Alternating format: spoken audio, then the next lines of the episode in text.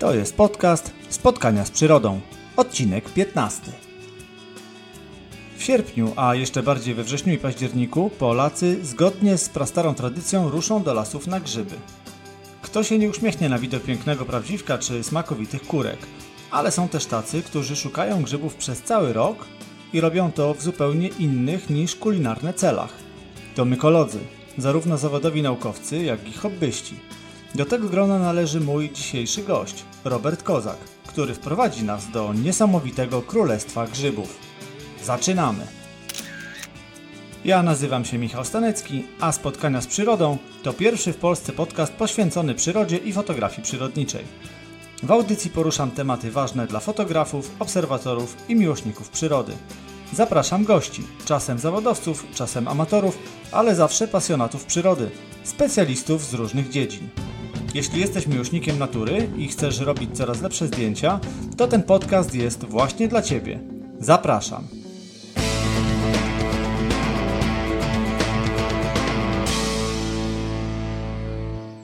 Cześć, witam Was w 15 odcinku Spotkań z Przyrodą.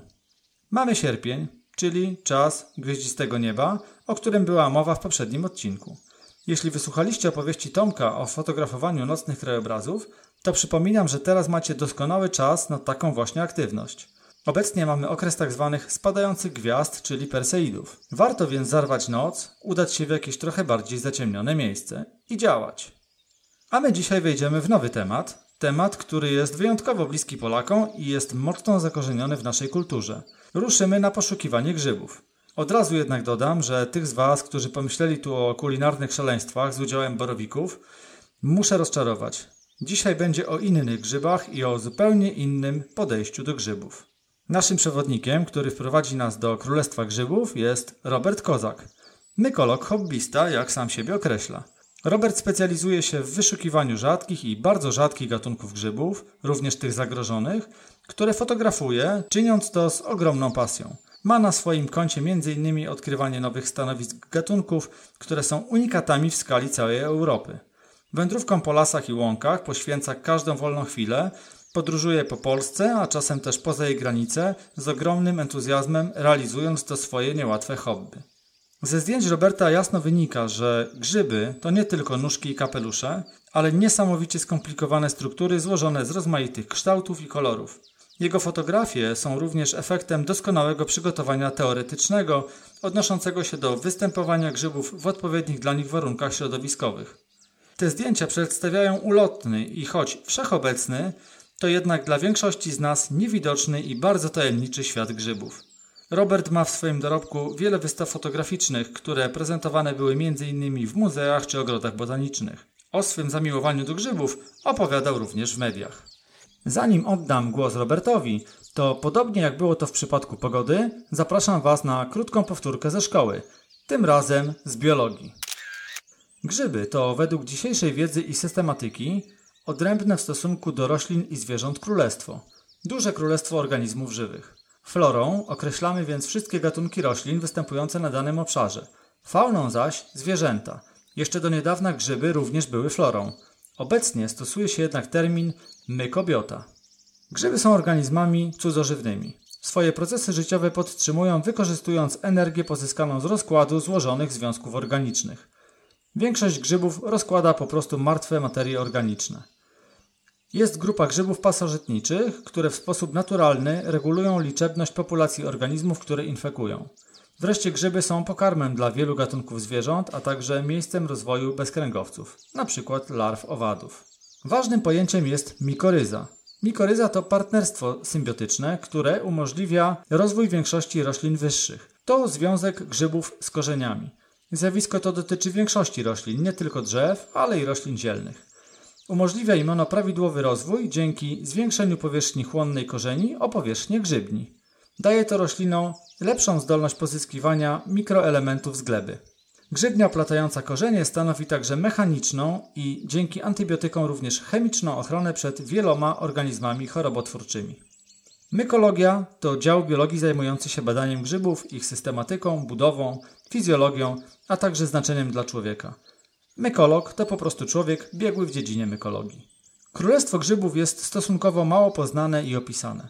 Obecnie mówimy o poznanych 100 tysiącach gatunków, ale ocenia się, że jest to jedynie drobna część ich ogólnej liczby, niezbadanej jeszcze przez naukę.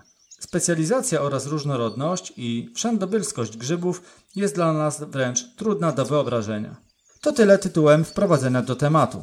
Z rozmowy z moim gościem dowiecie się natomiast m.in. na czym polega pasja szukania, obserwowania i fotografowania grzybów, kiedy dla mykologa jest sezon na grzyby, dlaczego identyfikowanie poszczególnych gatunków jest tak niesamowicie trudne, jakie miejsca są potencjalnie dobre do szukania grzybów, jak zaplanować i jak się przygotować do odkrywczo-fotograficznej wyprawy na grzyby i czy do fotografowania grzybów niezbędny jest specjalistyczny sprzęt fotograficzny. Zapraszam Was teraz do wysłuchania rozmowy z Robertem Kozakiem, pasjonatem i fotografem świata grzybów. Cześć Robercie, witam Cię i bardzo dziękuję, że przyjąłeś moje zaproszenie. Cześć Michał, miło mi. Przedstaw się słuchaczom. Dzień dobry wszystkim, czy też dobry wieczór z uwagi na porę. E, nazywam się Robert Kozak, zajmuję się mykologią e, hobbystycznie. Wykształcenia w tym kierunku żadnego nie mam, przyrodniczego, ale jako, że jestem urodzony na wschodnich rubieżach Polski we Włodawie i lasy były wokół mnie od maleńkości, no to siłą rzeczy rodzice zabierali mnie na łono natury, szukać najpierw grzybów jakichś i tak to, to wsiąknąłem od czwartego, piątego roku życia bodajże. Z czasem, w związku z rozwojem głównie internetu, zaczęła wiedza się pogłębiać. Człowiek nie tylko, z, nie tylko zwracał uwagę na typowe grzyby, E, które zbieramy do koszyka na barszcz wigilijny, czyli prawdziwki, może jakieś kurki, kozaki, rydze, ale też zainteresował się innymi grzybami o różnych formach, kształtach. No i internet w tym zdecydowanie pomógł. Także taka mniej więcej jest geneza moich zainteresowań światem mykologicznym. Obecnie jakby mniej interesują mnie już te grzyby jadalne stricte, ale szukam grzybów naprawdę jakichś rzadkich, pod ochroną. Staram się udokumentować te znaleziska. Wysyłam też do badań naukowych jakieś nowe okazy, które nieznane mi są, bo mnóstwo tych grzybów też jest tak, takich, że po cechach makroskopowych niestety ich nie oznaczymy. Musimy to wrzucić pod mikroskop, a to już naukowcy się tym zajmują, chętniej bądź mniej chętniej, ale się zajmują. Okej, okay, Robercie, poruszyłeś dużo ciekawych wątków, więc spróbujemy to uporządkować i, i, i po kolei no, muszę Cię o to dopytać, bo oprócz tego, że jesteś takim wyszukiwaczem, obserwatorem, badaczem w pewnym sensie tych, y, tych grzybów i, i tak jak mówisz, y, starasz się dostrzegać i szukać nowych gatunków i, i, i wiąże się z tym jakby jeszcze dużo innej około e, grzybowej działalności, no to jesteś też fotografem i ten wątek też będę chciał e, pociągnąć, bo jak wiesz, no, podcast dotyka tej tematyki fotograficznej, więc e, grzyby jako, jako temat ciekawy. No i tu od razu na wstępie powiem, że faktycznie grzyby to temat w Polsce Polsce bardzo popularny, ale raczej w jednym tylko kontekście, czyli w kontekście no, grzybobrania i kwestii kulinarnych, no i pewnej kultury jakby w ogóle grzybobrania, bo to, bo to od lat jest tak, że ludzie chodzili, chodzą i pewnie jeszcze będą chodzić na grzyby. No i hasło grzyby kojarzone jest raczej tak e, przeciętnemu Polakowi z e, wyprawą do lasu, która czasami jeszcze ma taki inny aspekt, e, że tak powiem, towarzyski. Nie? Wiąże się z tym no, też pewnego rodzaju rozrywka na łonie przyrody. Wyjaśnienie dla tych, którzy myślą, że będziemy dzisiaj rozmawiali o prawdziwkach, jak powiedziałeś, kurkach czy, czy, czy maślakach, no raczej nie bardzo. Raczej się skupimy na, na tych e, innych e, gatunkach. Natomiast powiem Ci, co mnie, co mnie trochę tutaj przeraża, że mnie bliski jest świat ptaków i jeżeli mówimy o tym, że w Polsce powiedzmy mamy 450 gatunków, tak tutaj w grzybach idziemy w tysiące, to jest tak, tak duży obszar i jeszcze do tego obszar nieodkryty, wiesz, to jest, to jest niesamowite, że no, w ptakach wytropić jakiś gatunek, którego w Polsce nie rejestrowano, oczywiście to się nadal zdarza jeszcze takie gatunki pewnie będą się zdarzać, no ale szansa jest znikoma, a tutaj zdaje się jest, jest dużo większa możliwość w świecie grzybów dokonać takich odkryć. Powiedziałeś, że to gdzieś e, przez lata tam e, żyłeś sobie wśród lasów i, i, i do tych lasów byłeś zabierany i stąd się to wzięło.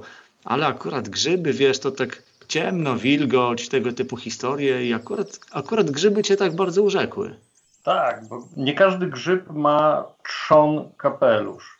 Są grzyby o różnych kształtach. W kształcie miseczek, jakichś kieliszków, jakichś dzbanuszków, yy, pałeczek. Także kształt jest różnorodny. Do tych kształtów, jak dodamy jeszcze kolory, cała paleta barw, odcieni, to są setki, setki kolorów i to jak weźmiemy raz, razem, to cały ten świat y, no, przedstawia się nam niczym rafa jakaś koralowa w ciepłym morzu. Także no, jest fascynujący pod względem estetycznym, pod względem kształtów, form. Także to też jest piękne w tym, w tym świecie. Do tego, tak jak wspomniałeś, y, jest to ogromne królestwo. Szacuje się, że może być około miliona gatunków na świecie grzybów, z czego no, mnóstwo jeszcze nie jest y, zbadanych, publikowanych. Także no, tro, trochę wyłączmy z nich takich no, grzybów, y, które tylko obserwujemy pod mikroskopem. No ale to i tak mniej więcej takich grzybów wielkoowocnikowych w Europie szacuje się, że to będzie od 10 do 20 na pewno tysięcy gatunków. W Polsce do tej pory stwierdzono występowanie około 4800 gatunków wielkoowocnikowych. Są to y, około 1000 gatunków workowców i 3800 podstawczaków, także no jest, jest na czym oko zawiesić po prostu. I to są porażające liczby. Dokładnie, tu jest tak, gonimy króliczka i prawdopodobnie go nigdy nie, nie dogonimy. Tyle tego jest. I to jest fascynujące. Nie staniemy w miejscu, bo zawsze coś nowego nam wyskoczy.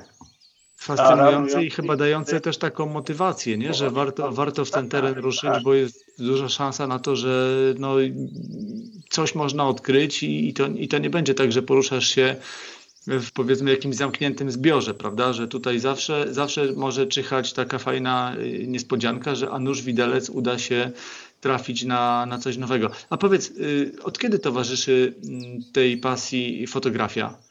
Bo rozumiem, że fotografować można na potrzeby dokumentacji, tak. no ale ja widząc Twoje zdjęcia wiem, że tam y, no, nie, nie brakuje tego y, artystycznego jakby aspektu. Także tu wiesz, jak to z tą fotografią było? Fotografia się zaczęła od momentu wejścia w życie cyfrówek. Najpierw był taki mały, kompaktowy aparacik Sony, które do, którego dostałem na któreś tam urodziny, nie będę zdradzał które, i zacząłem ty, z tym sprzętem śmigać po lesie. No ale jednak on był po jakimś czasie okazał się niewystarczający. Był drugi, już większy kompakcik, który niestety został zwodowany w rzece Bóg podczas spływu i to był właśnie wtedy przełom. I już stwierdziłem, nie będziemy się bawić w kompakciki. Tylko no już y, pierwsza moja lustrzanka, Canon 1000. No i od tego w zasadzie już jakby wsiąkłem z fotografią, no już jak gdyby na dobre. To było około 10 lat temu, tak mi się ale, wydaje. Czas ale, ale czy, czy, można powiedzieć, że to było tak, że na początku te zdjęcia robiłeś tylko właśnie w celach dokumentacyjnych, tak, żeby, tak. żeby mieć jakby, prawda, udokumentowane? Tak, tak. A, z, a z czasem się jakby okazało, że da się to robić tak, że z jednej strony jest dokumentacja, ale z drugiej strony no, jest w tym trochę sztuki. Dokładnie, dokładnie. To także to ewoluowało. O najpierw dokumentacja jakiegoś znaleziska, sobie zapisać datę, gdzie, co i jak.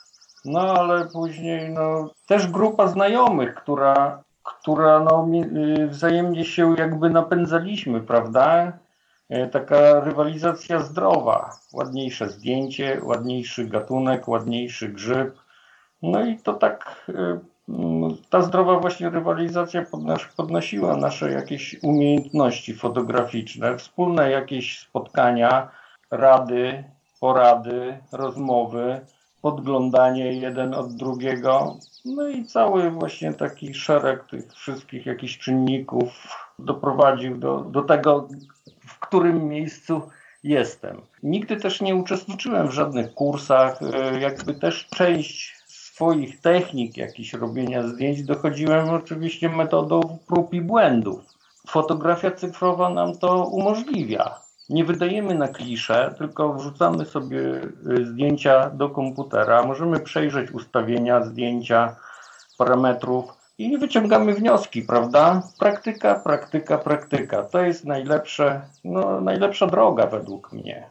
O tą stronę techniczną to jeszcze Cię za chwilę zapytam. Y, natomiast chciałbym, żebyśmy tak trochę w, na zasadzie wprowadzenia do, tego, do tej rozmowy o fotografii grzybów wyszli od tego, wiesz, znowu nawiążę do tego stereotypu, że no, nam się wydaje, nam, tym, którzy no, nie siedzą w tym tak głęboko, że czas na grzyby to jest to powiedzmy lato czy późne lato, no i jesień. Natomiast y, no, tak nie jest. Grzyby, grzyby rosną, pojawiają się przez, y, przez cały rok. Czy ty możesz powiedzieć, kiedy jest taki najlepszy czas, czy w ogóle można to tak określić, kiedy jest najlepszy czas na, na obserwację, czy no, w tym przypadku obserwację i fotografowanie grzybów? Czy mówimy tu na przykład o konkretnej porze roku? Mam swoją ulubioną pro, y, porę roku, aczkolwiek tak jak wspomniałeś, grzyby są cały rok. W zasadzie są wszędzie grzyby, nawet na statkach y, kosmicznych obecność ich stwierdzono, także w kosmosie, w wodzie, no wszędzie są. Moją ulubioną natomiast porą roku to jednak chyba jest jesień ze względu na kolorystykę. Kolorystykę otoczenia, opadłe liście w różnych barwach, one tworzą nieraz niesamowite tło. Jesienią też mamy największą ilość grzybów. Uwielbiam moją, moją ulubi, ulubioną rodziną są wilgotnice. To są kolorowe grzyby, które występują przeważnie na, na łąkach wysokogórskich i one wtedy rosną. To no niesamowite mają kolory, żółte, czerwone, pomarańczowe, wszelkie, wszelkie odcienie. Także jesień, jesień i jesień dla mnie. Słońce też jest trochę przytłumione, nie jest tak ostre jak latem. Chociaż na łąkach szukając grzybów to różnie z tym bywa. No, blenda jest no, nieodzowna. Także warunki, no nieraz, no trudne są warunki na łąkach, bo nieraz się szuka tych grzybów w trawie po, po pas. Szuka się ich na kolanach, bo przejść po trawniku, od, gdzie trawa jest od kolan po pas, to no nic nie znajdziemy, prawdę mówiąc. Musimy zejść na cztery łapy, jak to się mówi potocznie.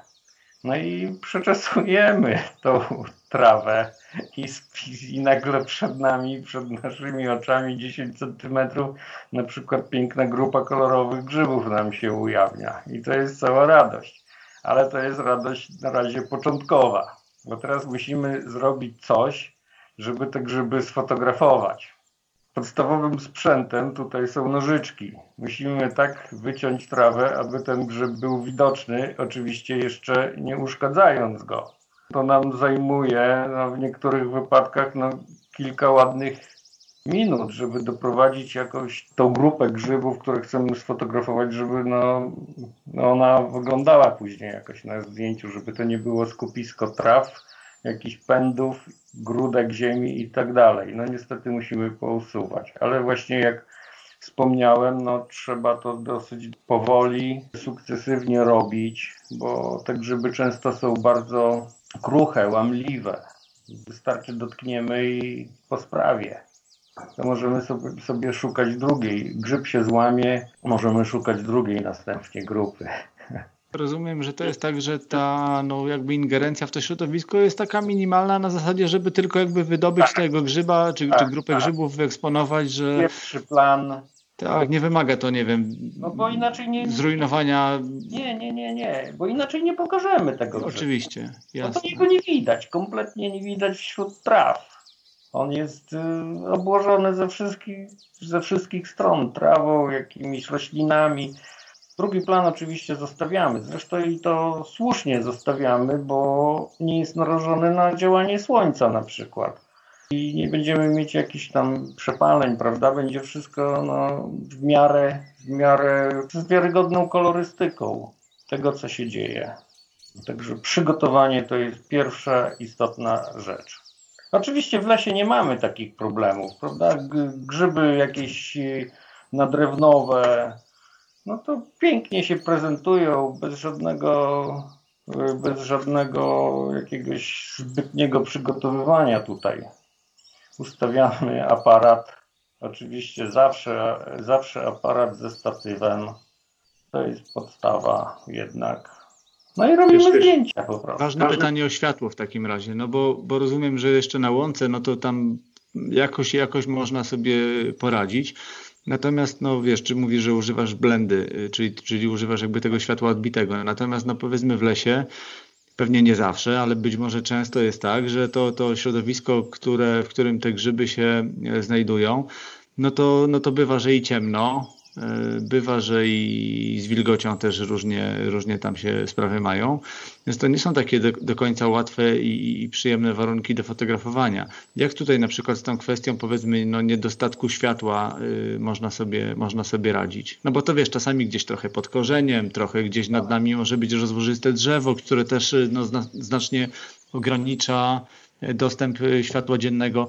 To jak tutaj, wiesz, światła dziennego, no właśnie, ale też, y, bo o to też chciałem spytać, spytałem o pory roku, a czy pory dnia mają tutaj duże znaczenie? Wiesz, y, to, że rano, nie wiem, temperatura się waha w ciągu dnia, że jakaś dodatkowa poranna wilgoć, albo szron, albo no, no cokolwiek. Czy, czy, czy może jeszcze nawet jakiś półmrok, bo jest wcześnie, albo bo jest późno, czy to raczej, no nie wiem, jakoś tutaj mi spróbuj naświetlić nam, słuchaczom, bo, bo tu jest dużo niewiadomych. Wolę fotografować przy pochmurnej pogodzie.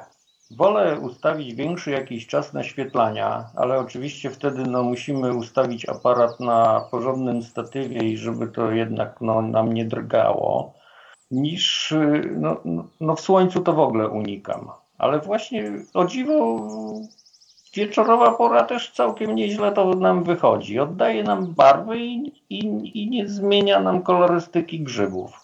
Doświetlam. y, Doświetlam No jednak światłem naturalnym, wykorzystując nie jakieś tam systemy y, diod, latarek, chociaż też mi się zdarzało z tym y, pracować, ale wolę doświetlać światłem nat- naturalnym, czyli odbicie w jakimś. Z blendy, z jakiegoś lustereczka, tego typu, tego typu używam sprzętów. Nie są to drogie rzeczy, bo, bo nawet można i folię sobie aluminiową z domu wziąć i obłożyć jakiś kartonik sztywniejszy, czy, czy mniej sztywniejszy i też to wykorzystać. Także bardziej, bardziej naturalnie niż sztucznie. Lampa w aparacie jest kompletnie wyłączona. Nie używam kompletnie lamp w aparacie. Za dużo odbija i grzyby wychodzą nienaturalnie. Yy, Nam się plan dalszy też zaciemnia, także nie używam e, w ogóle lampy w aparacie.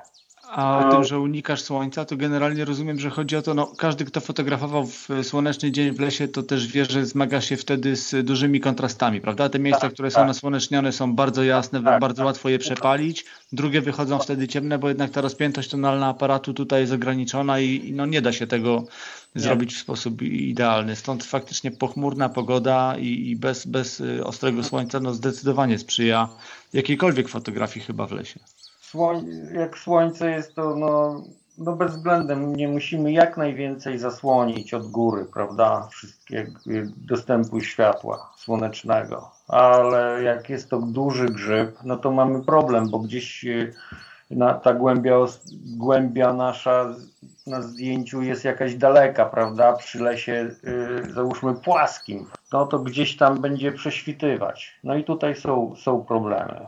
W górach jest o wiele łatwiej, w różnych wąwozach, tam na stokach. To jest, to jest łatwe, łatwo wtedy światło opanować. Tło nam robi bez jasności, także możemy od frontu sobie doświetlić właśnie jakimiś e, swoimi, swoimi wynalazkami tak zwanymi. No i, i to tak, tak robię po prostu. Taka jest moja technika i, i rada w tym zakresie. Wspominasz o tym, że te grzyby rosną na, na łąkach, już wiemy, że w lesie, że wąwozy, że, że w górach i tak dalej. W jaki sposób ty wybierasz te miejsca na, na swoje plenery? Czy to jest tak, że no, po prostu dużo wiesz o ga- gatunkach i środowisku, w jakim e, można je ewentualnie znaleźć i, i nie wiem, czy ta wiedza wtedy ci pomaga y, po prostu szukać tych miejsc y, takich potencjalnie dobrych na, na plenery? I czy Czy zmierzasz jakby szukając konkretnych gatunków, czy raczej jest tak, że obierasz sobie jakiś teren, który potencjalnie może być no, ciekawy pod tym względem y, właśnie jeśli chodzi o występowanie grzybów i no, przeczesujesz go, szukasz i co, co znajdziesz, no to wtedy powiedzmy tam gdzieś się skupiasz na tej, na tej fotografowaniu. Jak to, jak to działa? Tak. Y, Czyli jak, jak wybierasz takie miejsca i, i, czy tutaj ta wiedza o środowisku poszczególnych gatunków jest, jest niezbędna? Jest niezbędna wiedza. Poruszyłeś parę kwestii, które w zasadzie wszystkie są do wykorzystania. Po pierwsze wiedza. Klimat troszkę się nam ociepla. W okresach właśnie lipiec, sierpień staram się jeździć do wąwozów. Mieszkam w Lublinie. Koło Lublina dają mi możliwości wąwozy lesowe, koło Kazimierza Dolnego, Nałęczowa, Kraśnika i te miejsca staram się odwiedzać latem. One są dobrze zacienione, z wilgocią, e, także tam, tam jest mnóstwo różnych możliwości znalezienia bardzo ciekawych grzybów. Wiosną na przykład wiem, wiedza się przydaje do gatunków no, smardzowatych które wyrastają te grzyby przy topolach, także też musimy czy, czy, y, szukać właśnie takich drzew, z którymi, które współpracują, wchodzą w mykoryzek grzyby, prawda? I tam mamy większą szansę ich znalezienia. Natomiast jesienią najczęściej jeżdżę e, właśnie w góry, w łąki wysokogórskie, gdzie tam są no, też odpowiednie gatunki. Niezależnie od tego wszystkiego, wszystko bije Białowieża, gdzie tam można jechać zawsze. to jest specyficzny rejon i jest to fantastyczny rejon dla grzybów wyrastających na powalonych, martwych drzewach. To naprawdę jest fantastyczne miejsce na grzyby rzadkie, bardzo rzadkie, nawet bym powiedział ekstremalnie rzadkie. Są tam gatunki, które, których nigdzie nie znajdziemy w Europie, tylko w Białowieży. I taki właśnie też mi się w tamtym roku udało jeden gatunek z grzybów znaleźć, który był notowany w, i publikowany z rezerwatu ścisłego. Mi się właśnie udało w tamtym roku poza rezerwatem znaleźć i to tylko w Europie właśnie występuje w Białowieży. Jest to drewniak wiązolubny.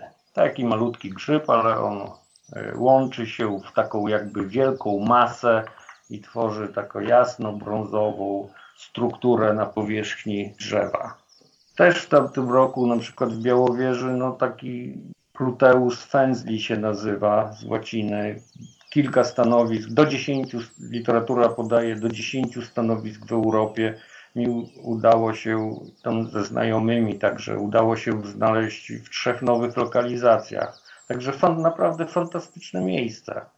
Inny gatunek, Ionimidotis irregularis taki, też kilka miejsc, zaledwie do 20 stanowisk w całej Europie, też ten grzyb tam jest. Także miejsce jest piękne, fantastyczne i unikatowe pod względem grzybów serce cię boli w ostatnich latach, kiedy, tak. kiedy śledzisz wszystkie te doniesienia tak. odnośnie tego, co się dzieje w Puszczy Białowieskiej? To jest niesamowite, co to się tam dzieje, bo naprawdę możemy stracić coś, co już nie tylko nie będzie w Polsce, ale tego nie będzie w Europie. Dlatego oczywiście nam klimat też w tym nie służy, ale no to już jakby, no też jesteśmy, mamy oczywiście na to wpływ, ale ale już, o, może zamknijmy ten temat, nie brnijmy. Okej, okay, okay. czyli powiedz mi, wracając do tego, w jaki sposób y, wyszukujesz y, grzyby i, i w jaki sposób, nie wiem, planujesz, czy potem organizujesz te swoje y, wyprawy. Masz swoje miejsca ulubione, no bo rozumiem, że są te miejsca, do których wracasz systematycznie, ale też, no jak rozumiem, co, starasz się zapuszczać w miejsca, które dopiero odkrywasz. Dokładnie. Właśnie w tamtym roku, w tamtym roku Przejeżdżałem sobie koło Opola Lubelskiego. Zaciekawiła mnie jedna łąka, to był bodajże chyba październik, czy może nawet już listopad. Zacząłem chodzić po tej łące. E, no i znalazłem grzyba. To był taki grzyb niczym koralowiec z morza jakiegoś i nie był, nie był duży, może miał centymetr, półtora Zainteresował mnie. Wziąłem go do badań, znaczy wysłałem, oczywiście zebrałem owocnik, wysłałem do badań mikroskopowych. No i okazał się to do bardzo rzadki grzyb. Remaria roellini, kilka stanowisk zaledwie w Europie. Bodajże w 2004 dopiero odkryty gdzieś w Szwajcarii i opisany. Także chyba, nie wiem, czwarte czy piąte miejsce w Europie. Na świecie w ogóle gdzie indziej nie występuje ten grzyb. Także w najmniej oczekiwanym miejscu możemy spotkać coś naprawdę niezwykłego i niesamowitego. Ale czekaj, bo teraz, teraz bardzo mocno mnie to zainteresowało. Jak po prostu, co zdecydowało o tym, że akurat jakaś tam łąka, przepraszam bardzo, bo to może była bardzo zacna łąka, ale co zdecydowało o tym, że akurat jadąc stwierdziłeś, że a ta łąka to tutaj może mieć potencjał. To jest tak po prostu, no jak to się mówi, na nos? No nos, chyba na nos, bo szukałem oczywiście innych grzybów. Interesowała mnie, interesowało mnie wtedy wilgotnice, dzwonkówki, które o tej pory właśnie w tym środowisku rosną. A tu taka niespodzianka. Nie miałem pojęcia, co, co w ogóle znalazłem. Nikt nie miał pojęcia, dopóki nie wyszły wyniki badań. Też jest e, no, przypadek tego wszystkiego. Także no, nie wiadomo, czego możemy się spodziewać. Nie mniej niż kilka dni temu też znajomy mi przysłał, w tamtym roku w jednym z wozów lesowych koło Lublina też znalazłem taką ustrzepkę, no, która okazała się też bardzo rzadka. To też bodajże kilka stwierdzonych e, stanowisk, czy tam kilkanaście może e, w Europie. W Polsce też dotąd nie publikowana. I też nie miałem pojęcia. Stawiałem na inny gatunek, a wyszedł bardzo podobny. Nawet tego gatunku nie znałem, mówiąc szczerze. I tak też bywa. Tak też bywa. I to jest też piękne w tym wszystkim, że nie wiemy, co do końca znaleźliśmy, ale później okazuje się, że to jest fantastyczna rzecz. Oczywiście mamy też i takie typowe jakieś potwierdzenia. Nie mamy jakichś tam mega hitów, ale każdy grzyb potwierdzony jakoś badaniami naukowymi, wtedy to wtedy daje nam jakąś to wartość naukową, badawczą, prawda? Możemy to wykorzystać już w jakiejś pracy. Ktoś może wykorzystać w pracy naukowej, e, pisząc artykuł, e, jakąś książkę, atlas. No to, no to zakładam, że twoje nazwisko będzie się pojawiać w wielu takich opracowaniach. No nie wiem. No. Słuchaj, dobra, dobra, a powiedz, to w, to w, takim razie ta, ta satysfakcja, no jak rozumiem, jest, jest duża i jakby no tą frajdę można przeżywać na wielu polach, bo samo znalezienie to, to raz, nie? Znalezienie, wytropienie, w sensie jakby poskładanie sobie tego, że w tym miejscu jest potencjał, no, ruszenie i znalezienie, czyli już raz tutaj skuteczna akcja. Druga sprawa, można zrobić fajne, artystyczne zdjęcia, a chyba przede wszystkim w takim razie ten, ten walor naukowy, że jednak wnosisz tutaj, masz okazję wnosić no coś do, do, do tego świata nauki, nie? Czyli ta, ta rola takiego odkrywcy, no to, to chyba jest duża satysfakcja, wielka frajda, nie? Oj tak, bar, bar, bardzo to jest przy, przyjemne uczucie, jak się dowiadujesz, że właśnie znalazłeś coś, co jeszcze nikt w Polsce tego nie znalazł. To jest coś fantastycznego czy w świecie takich, no nie chcę, nie chcę używać tutaj jakby z premedytacją, nie chcę używać sformułowania grzybiarzy, bo ono się, wiesz, y, kojarzy jednoznacznie. Y, grzybolubów, y, poszukiwaczy, obserwatorów, badaczy, czy istnieje jakaś forma rywalizacji, bo wiesz, na przykład ptasiarze mają swój na przykład wielki rok, czyli jest taka zabawa w to, ile gatunków na terenie kraju zobaczy się od tam początku stycznia do końca grudnia danego roku kalendarzowego i, I tutaj no, ma to formę czasami wręcz takiego i takiej sportowej rywalizacji. Ludzie, ludzie korzystają z jakichś tam serwisów, alertów, pojawia się rzadki gatunek ptaka, wiesz, na drugim końcu Polski ktoś wsiada w auto w nocy, jedzie, żeby tam na rano być, bo może będzie szansa zaliczyć, przetwaczyć, możemy to sobie nazwać różnie. No tak jak mówiłem wcześniej, no na odkrywanie tych gatunków, których wcześniej nie było w kraju, no jest zdecydowanie mniejsza szansa niż w przypadku grzybów. No ale powiedzmy taki rodzaj rywalizacji jest. Czy tutaj e, też e, działa to podobnie, że, że w tym środowisku grzybolubów e, coś takiego funkcjonuje? Rywalizacji? Tak, trochę się ścigacie? Kto, kto znajdzie więcej nowych?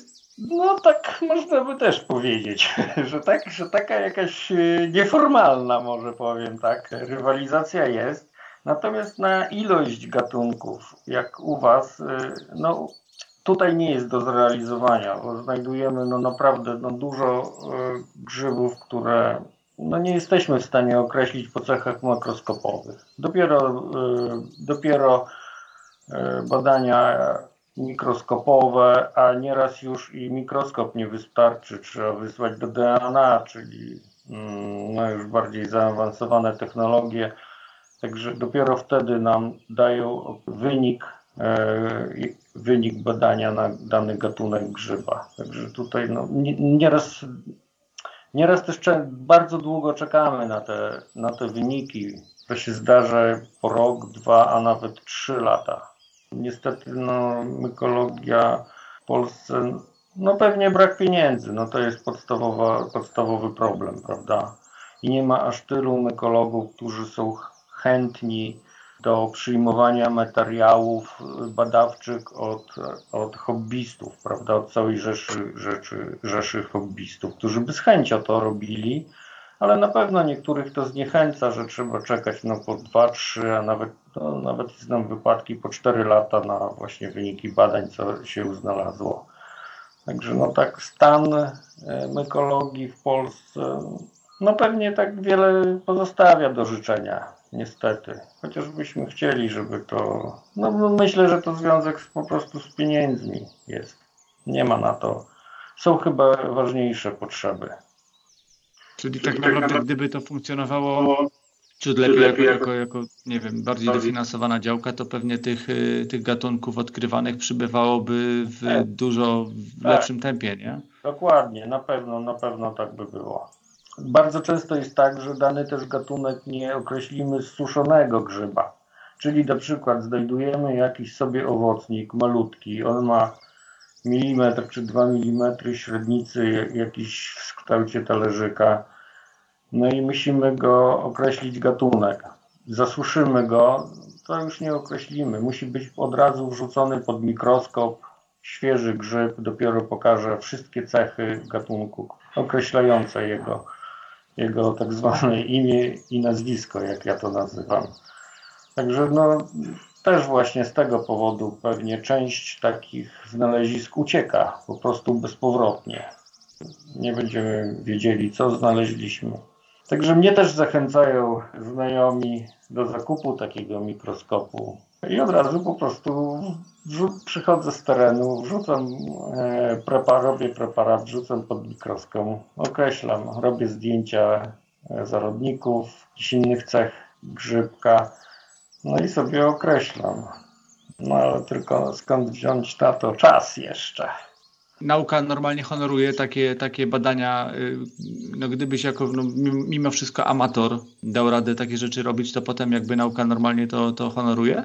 Na pewno mm, mogłaby być weryfikacja tego znaleziska, ale jeżeli bym to udokumentował dokładnie, bo, bo wrzucając e, pod mikroskop mogę porobić zdjęcia wszystkich cech mikroskopowych, zarodników, pomiar, tam można pomierzyć to wszystko, także myślę, że tak, myślę, że tak, bo jest kilku hobbystów, mykologów, którzy to robią i z dużym powodzeniem dają radę. W przypadkach, no to jest, no trzeba mieć też potężną wiedzę do tego, żeby to wszystko mm, pojąć. Są klucze odpowiednie do rozpoznawania po cechach właśnie tych mikroskopowych.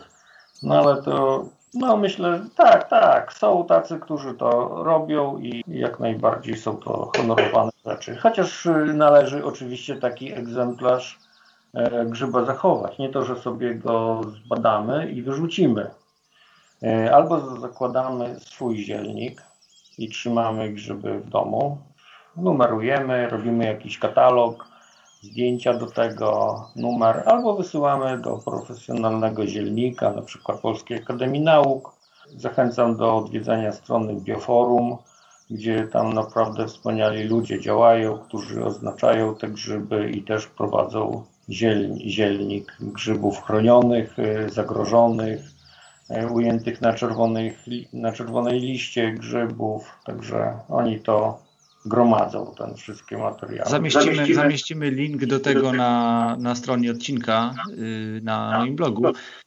Ornitolodzy mają taką powiedzmy łatwość, że gdy potrzebują posiłkować się książką, to mogą mieć ze sobą atlas ptaków. No mówimy tutaj cały czas mówię o tej, o tej skali powiedzmy kilkuset gatunków. A jak to wygląda w przypadku mykologów? Macie książkę, w której jest 10 tysięcy grzybów? No nie, takiej jeszcze nie ma. Porządny atlas to od 3000 do, do 4-5 tysięcy gatunków. Są wydania atlasów słowackich, Encyklopedia Hub, pana Hagary ona bodajże ponad coś 3000 gatunków obejmuje. I to była jakby najlepsza pozycja. Też zaletą jest to, że pisana w no, w języku, który, którego spokojnie każdy raczej powinien zrozumieć, bo było wydanie czeskie i słowackie. Także tutaj nie ma problemów. Ale w tamtym roku ukazała się też piękna pozycja e, norweska w dwóch tomach, też około 4000 gatunków obejmująca, pięknie wydana, piękne zdjęcia, taka funk funkcjonalna po prostu książka. No ale to no, do, do lasu nie mamy szans takiego czegoś zabrać, bo to jest no, ładnych parę kilogramów. Czyli Także... słuchaj, będąc w terenie, będąc w terenie, ty po prostu no, nie sprawdzasz. Jeżeli mówimy nie. o gatunku, gatunkach, które nie znasz, które wymagają jakiejś tam dodatkowej weryfikacji nie, oznaczenia, to nie, nie ma tak, szans. że wyciągasz książkę z plecaka i próbujesz. Y, nie, nie ma szans takiego czegoś. Znaczy to, co w małych atlasach jest, to raczej wszystko no, no znam a coś więcej, no to książki 7 kilo, no raczej ciężko no jasne, nieść. To. Zresztą właśnie i tak mnóstwo już jest tych grzybów tyle, że właśnie później już te cechy y, mikroskopowe określają gatunek, czyli na przykład jak znajdę jakiegoś małego, są takie grzyby włośniczki, rodzaj 30 bodajże parę gatunków, wszystkie są takie same, wszystkie mają czerwone, wszystkie są czerwone, i wszystkie mają czarne rzęski. No i na podstawie no, długości rzęskiej i, i zarodników i tak dalej dopiero określimy gatunek. A tak wszystkie wyglądają identycznie. Nie jest lekko. Nie jest lekko, nie jest lekko. Słuchaj, tak, tak teraz chciałbym dotknąć takiego mm, krótkiego rozdziału, no to, który się pojawia w zasadzie w rozmowie z każdym kolejnym fotografem w moim podcaście, czyli jak się przygotowujesz do takiego wyjścia w teren, no, ja tu używam sformułowania plener, no bo to w kontekście fotografowania mimo wszystko, no ale w Twoim przypadku takiego wyjścia, wyjścia y, w teren. I, I zacząłbym od tego, y, no, co, co pakujesz na, na takie wyjście. Czyli, czyli zakładam, że no, ten sprzęt fotograficzny mm, ładujesz do plecaka, to jest. Tak Lustrzanka, o której wspomniałeś i nie wiem, jeden obiektyw, dwa y, obiektywy makro to są, czy, czy tutaj tak. z, z, jakiego sprzętu korzystasz? Tak, mam e, obiektyw makro 100 mm Canona i to jest jakby no, podstawa. Podstawa, mhm. tak. Przy małych grzybach e, wykorzystuję też pierścienie pośrednie, ale rzadko mi się to zdarza. Oczywiście statyw, mały statyw taki, znaczy, no określam po prostu po co idę. Wiadomo, że jak idę do Białowieży, tam są ogromne drzewa, ponad metr średnicy powalone, czy półtora metra, no to muszę wziąć duży statyw. Ale na ogół, jak idę do lasu, na łąkę, o tak, to mały statyw, ale dosyć solidny. Do tego, no oczywiście wężyk spustowy, no i blendy. No scyzoryk to zawsze trzeba mieć. No okej, okay, a taki sprzęt powiedziałbym jakby no, pomocniczy, czy, czy nie wiem, kalosze jakaś. Aha, to nie, nie, nie jestem zwolennikiem kaloszy. Te trekkingowe, tak to Wystarczają. A może tak. jakaś y, mata, na której, albo nie wiem, na kolanniki, no bo rozumiem, że często pracujesz w takiej pozycji, że jednak. Zdecydowanie. Na kolanniki wychodząc z samochodu od razu nakładam na kolanniki. Podstawowa rzecz. No, szkoda, szkoda zdrowia kolan one mają służyć jeszcze to przez parę lat. Miejmy nadzieję, że posłużą. Trzeba dbać o zdrowie. Dobra, Także czyli, jak czyli tak, jak już... z deszkiem, sprzęt do, po, po, sprzęt do popsikania się na kleszcze i typy. Używam permetryny, którą polecam. Skuteczny środek przeciwko kleszczom. Miałem parę ładnych kleszczy w sezonie, które też mnie zarażały różnymi chorobami. Od kiedy stosuję permetrynę, w zasadzie żaden kleszcz mi nie wszedł w ciało. spryskujemy tylko ubrania, niestety nie ciało i to najlepiej przed nałożeniem jakieś pół godziny. Gdzieś słyszałem opinię, że ponoć armia amerykańska tego używa, e, je, jeżdżąc w tropiki. W Polsce nie jest dostępne to w sklepach, tylko przez internet można zamówić. I ja tak robię. Zamawiam przez internet taką właśnie buteleczkę raz na dwa sezony. I naprawdę starczy, a, a chodzę naprawdę porządnie po lesie i często i długo, bo nie wiem, rocznie to pewnie około 100 razy jestem w lesie. Być może. Mhm. Okej, okay, no czyli słuchaj, masz spakowany plecak i, i, i, wiesz, że będziesz mieć e, czas i możliwość wyskoczenia w teren, no to co, to trzeba jeszcze sprawdzić prognozę pogody na, na kolejny dzień? A dokładnie, dokładnie. Jednak e... deszczu. E, nie, deszcz jest jak, niech sobie pobada, zdążę pójść po deszczu. No dobra, to teraz powiedz, jak, jak wygląda taki przykładowy plener, takie przykładowe wyjście w teren? Jesteś spakowany, sprawdziłeś pogodę, masz czas, wiesz, że następnego dnia możesz, możesz ruszać. E, czyli co, no, wybierasz to potencjalne miejsce, tak jak mówiłeś, tak, tak. mówiłeś wcześniej. Dokładnie i to też nie jest łatwo, bo z ilość tych miejsc muszę któreś wybrać żeby, i to, żeby się nie pomylić, które. Ale no, rozumiem, że tutaj decyduje ta kombinacja, że jest dana pora roku, jest, tak, są takie tak, warunki tak, tak, pogodowe i tak dalej, i tak dalej i to jakby powoduje, że, że no nie wiem, to miejsce mamy danym... wybrane. Tak, hmm. mamy wybrane miejsce. Nie jestem jakimś tam zwolennikiem jechania strasznie rano też, bo nie jadę po, po prawdziwka czy kurkę, którym, którzy mi inni to wyzbierają, tylko no, inny też mam cel trochę. Także spokojnie jem śniadanie, jadę, wybieram do wybranego tego lasu. No i zaczyna się. A, kijek. Kijek jeszcze też jest podstawa taki trekkingowy do sprzętu. Bardzo on jest pomocny, gdyż y, nie chodzi o jakieś tam głównie podpieranie się, ale i nieraz jest też do tego niezbędne, jak mamy jakiś cięższy teren ale wbijając kijek często wykorzystuję to jako, no, jako, mm, jako jak taki stojak dla blendy, prawda? Że mogę tą blendę sobie oprzeć o, nie, o niego, gdzieś mi przysłoni, także w tym stylu go używam bardziej. No i las już no, szukamy, zależy od terenu jaki czy musimy zejść niżej pod, do podłoża, czy, czy koncentrujemy się na jakichś workowcach, małych grzybach, milimetr, 2 mm, 5 mm, pół milimetra, no to musimy no, no niestety zejść do, do, no, do ziemi. Patrzymy dokładnie, patrzymy spokojnie, nie biegamy po lesie, bo, bo nic nie znajdziemy.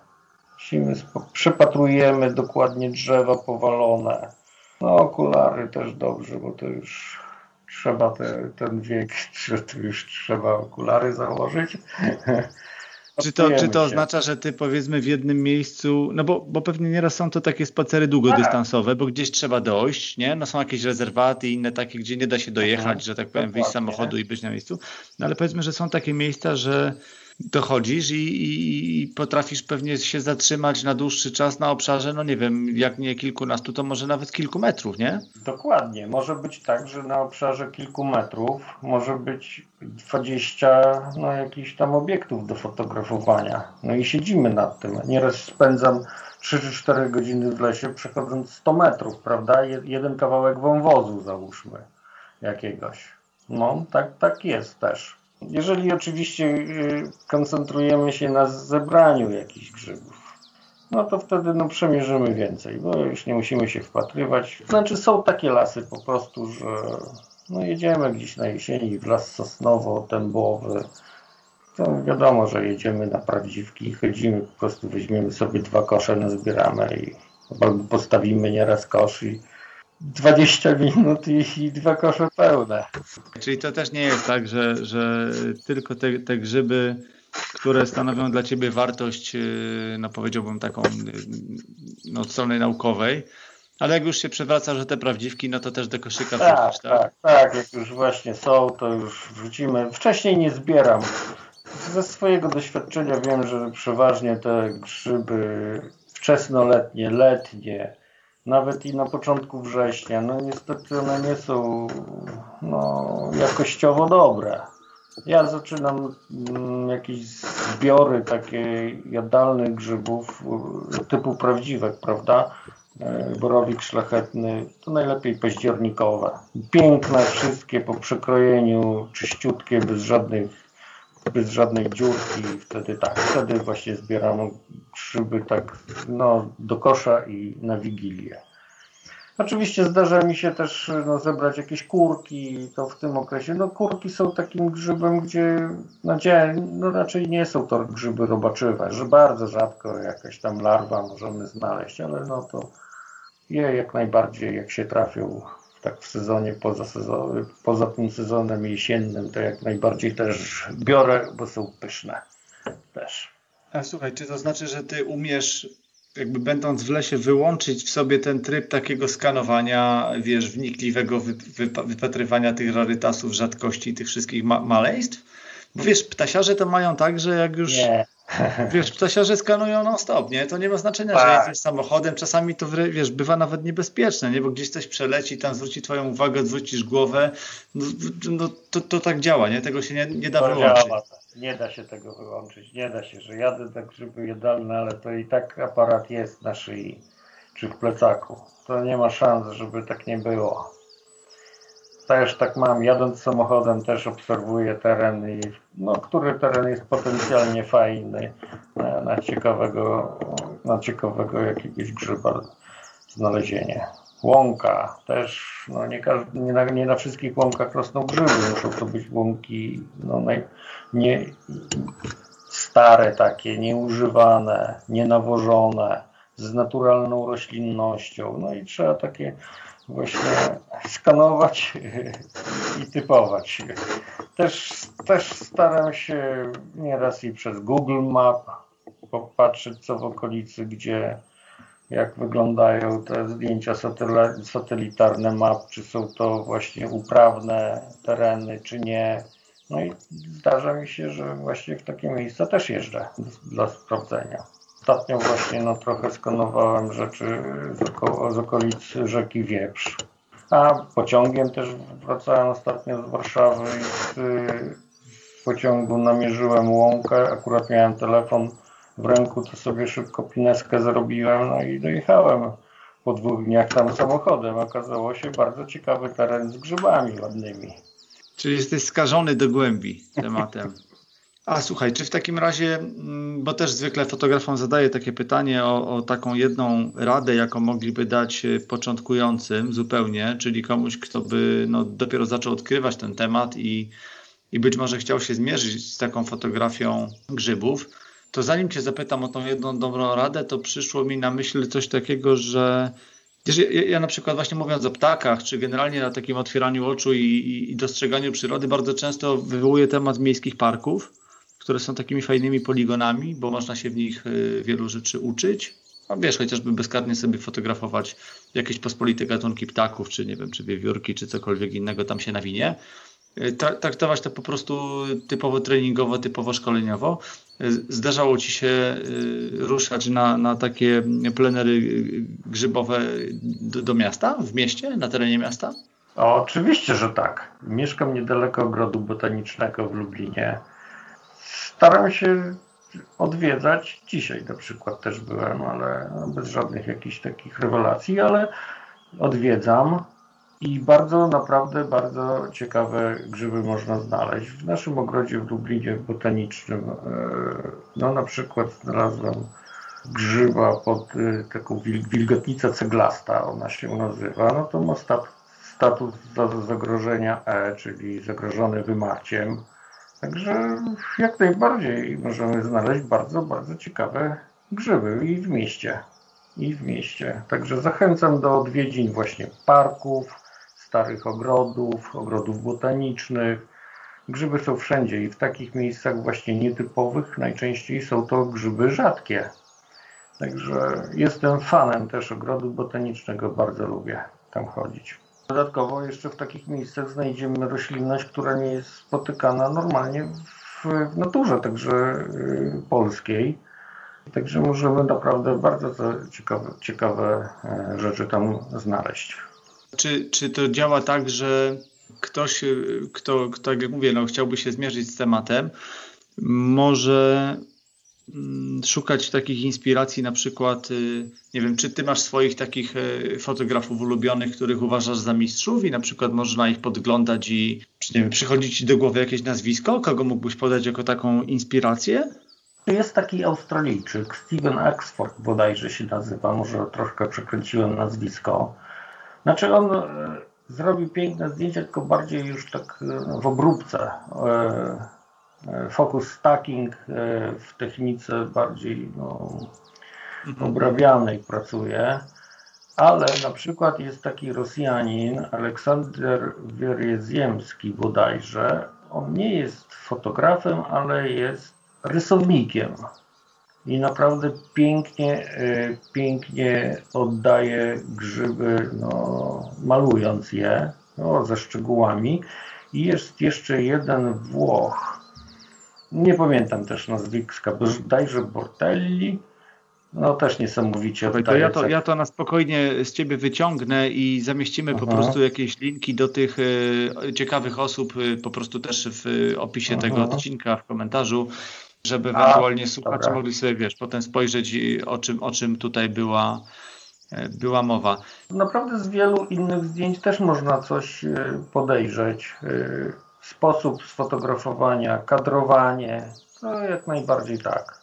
Mm, ujęcie, także można podglądać, można ty swoje zdjęcia prezentujesz, no już nawet nie mówię o tym, że, że są, y, można je oglądać w internecie i tutaj też zamieszczę linki do, do twoich zdjęć. Natomiast no, jesteś autorem wielu wystaw. Powiedz mi, jak reagują ludzie na, na, no właśnie, bo to często są też wielkoformatowe zdjęcia, które robią zupełnie inne wrażenie.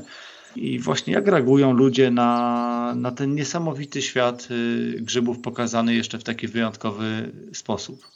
Tak, ostatnio e, dosyć długo była wystawa, prawie dwa lata moich zdjęć w, w dziale przyrody w muzeum, muzeum w Radomiu. No reagują, no, ludzie nie zdają sobie sprawy do końca, jak może ten świat, królestwo grzybów wyglądać. Są zaskoczeni kolorystyką właśnie, formami tych grzybów, no ich, ich pięknem, rozmiarami, prawda. No, są grzyby na przykład entomopatogenne, które, które owady zabijają, prawda, i fotografujemy je na tych owadach. Także no, jest roz, różnorodność ogromna.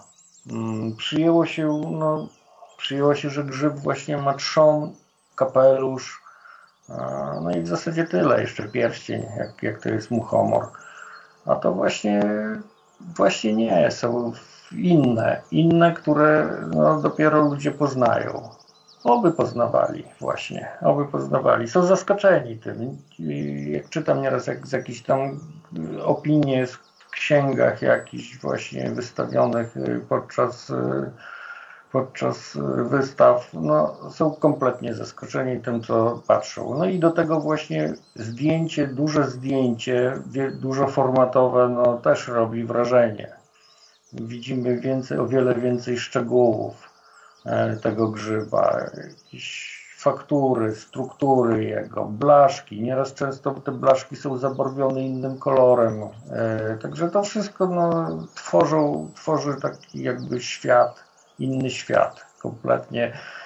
Sam nieraz nawet fotografując, e, no załóżmy mały jakiś obiekt, 1-2 mm nie, ja do końca nie wiem, co fotografuję. Dopiero wrzucę do komputera, powiększę ten obraz i, i to mnie zaskakuje, że on ma jakieś włoski, jakieś struktury. Tu, no, także to też jest fascynujące w tym, bo nie, nie można ocenić do końca w lesie podczas fotografowania, co się fotografuje tak naprawdę. Dopiero potem widzimy to. Nieraz często jest tak, że fotografujemy grzyba i on jest, nie wiem, no jakiś owad siedzi na nim. My go kompletnie, ja go kompletnie nie widzę.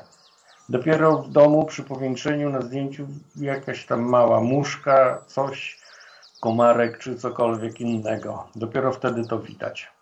Także no tak to wygląda. A zgodzisz się ze mną, że dzisiaj jest, jest tak, że no, rolą takich fotografów przyrody do, do no, do których zaliczasz się ty, do których no, też poniekąd zaliczam się ja, jest właśnie pokazywać ludziom to, czego nie znają, czego, czego być może nie widzą, nie dostrzegają, bo w ten sposób możemy trochę ludzi edukować. No wiesz, u nas jakby to nie jest tak, że wspomnieliśmy tam Puszczę Białowieską, no to, to nie jest tak, że jest jakiś jeden wielki społeczny sprzeciw, prawda, nie wycinajmy tych najcenniejszych lasów, no jest grupa ludzi świadomych, którzy, którzy tak jak mogą próbują z tym walczyć, natomiast y, no, cały czas jest dużo do zrobienia w tej materii i tak myślisz, że to jest dobra, dobra y, jakby droga, którą, którą trzeba iść, po prostu fotografować, pokazywać? Słuchajcie, mamy tak. takie rewelacje, zobaczcie, jest, jest jeszcze co ocalić?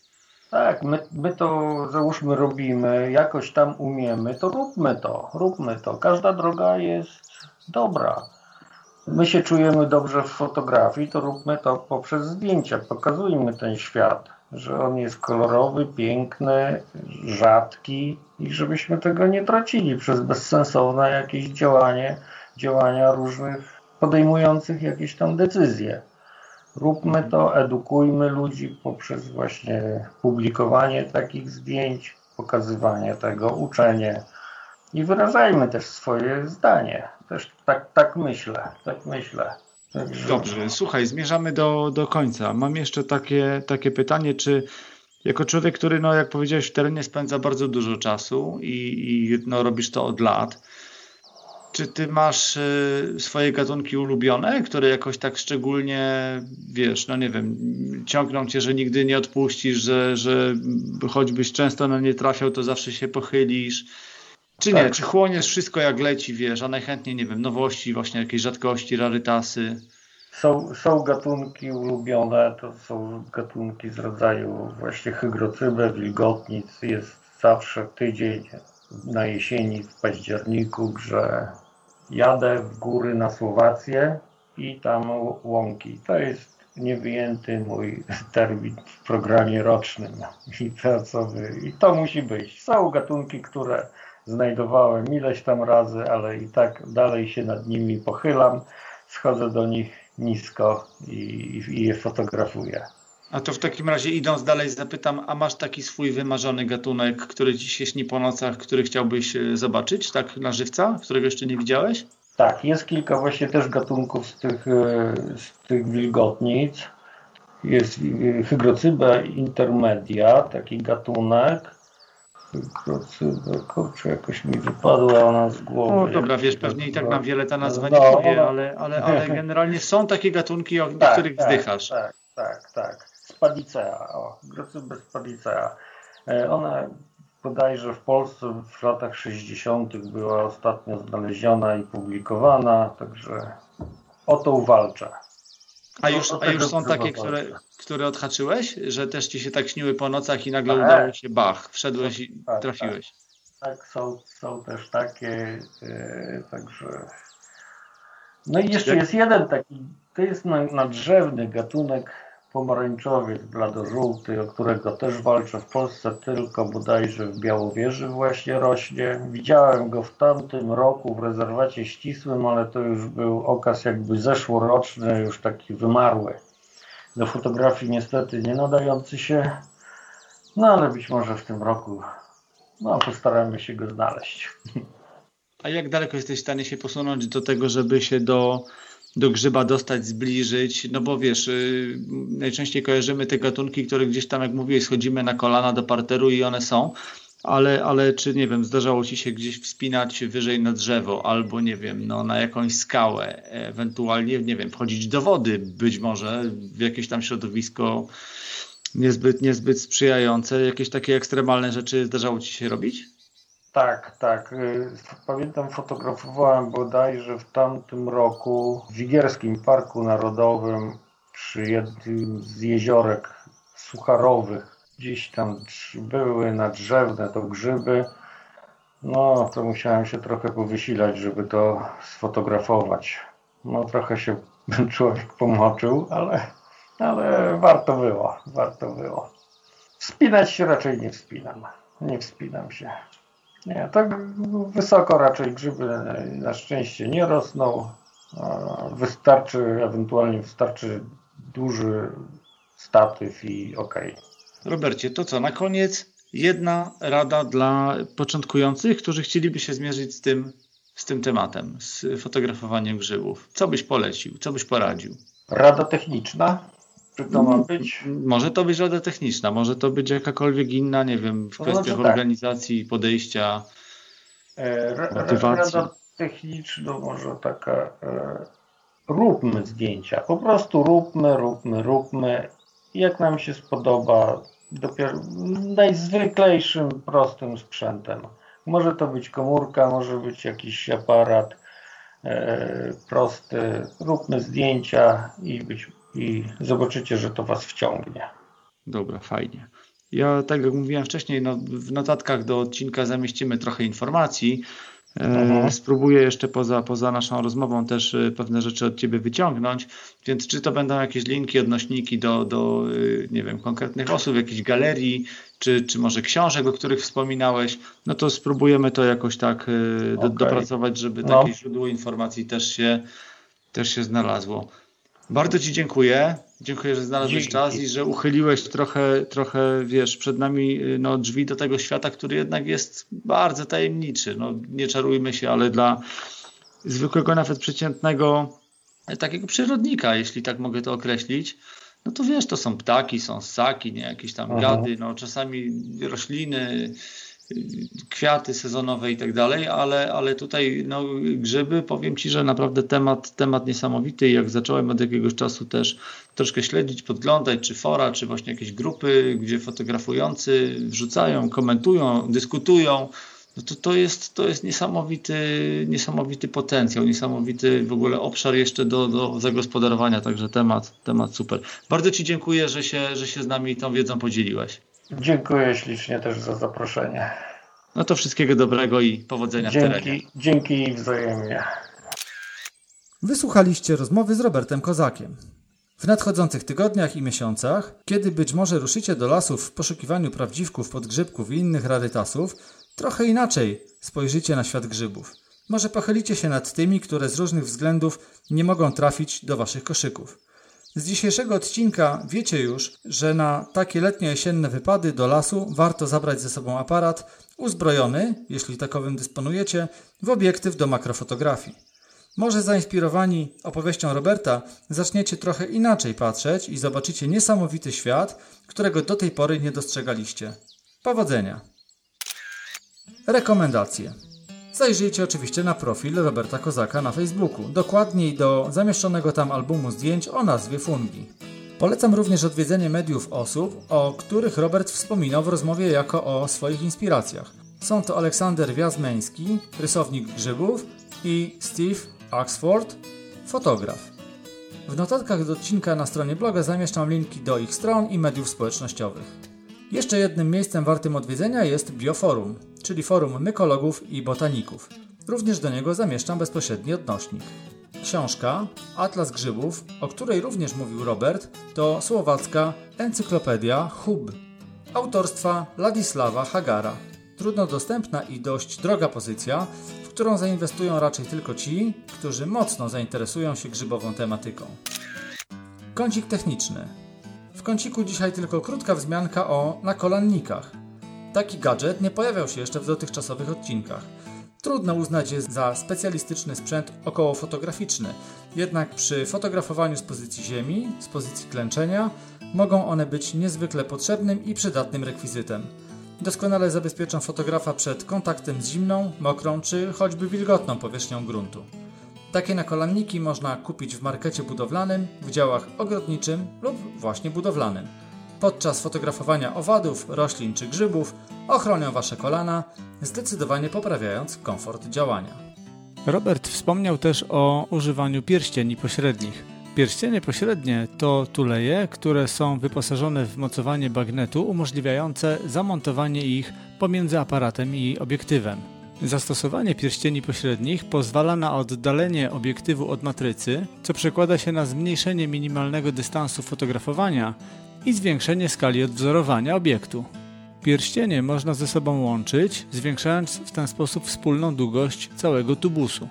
Niektóre nowoczesne pierścienie pośrednie zawierają elementy przekazujące mechaniczne i elektryczne połączenia między korpusem aparatu a obiektywem, dzięki czemu jest możliwe korzystanie z automatycznej kontroli otwarcia przysłony czy też automatycznego ustawienia ostrości. Pierścieni pośrednich używa się głównie w makrofotografii. Jedną z ich głównych zalet jest dosyć niska cena samego urządzenia. Można je stosować niemal ze wszystkimi obiektywami, dobierając oczywiście model pasujący do odpowiedniego korpusu. Pierścienie mają też kilka wad. Przede wszystkim jest to ograniczenie ilości światła docierającego do matrycy. To jednak rozwiązanie budżetowe, nie są to urządzenia drogie, a pozwalają poczuć smak makrofotografii i sprawdzić chociażby swoje możliwości w tej dziedzinie przed zainwestowaniem w drogi obiektyw dedykowany typowo do makrofotografii. Pierścienie są też często wyposażeniem doświadczonych fotografów i wykorzystywane w, zwłaszcza w sytuacjach, kiedy mamy do czynienia z wyjątkowo małymi obiektami. Kończymy dzisiejszy odcinek. Dziękuję, naturalnie usłyszymy się już wkrótce. Notatki do tego odcinka znajdziecie pod adresem michalstanecki.com ukośnik 015. Jeśli podoba Wam się mój podcast, to możecie go polubić w źródłach, z których go słuchacie. Możecie go subskrybować albo udostępniać swoim znajomym. Takie działania to dla mnie nagroda za wykonaną pracę, możliwość pozyskania nowych słuchaczy, a dla podcastu dodatkowa promocja. Dziękuję Wam za słuchanie kolejnych odcinków.